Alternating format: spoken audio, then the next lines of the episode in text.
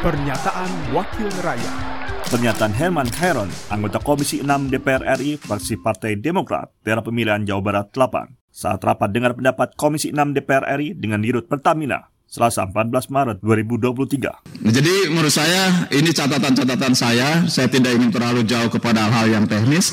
Yang pasti adalah harus ada tanggung jawab moral atas kejadian ini. Dan jangan mengorbankan seseorang sebagai kambing hitam. Pastikan apa strategi ke depan.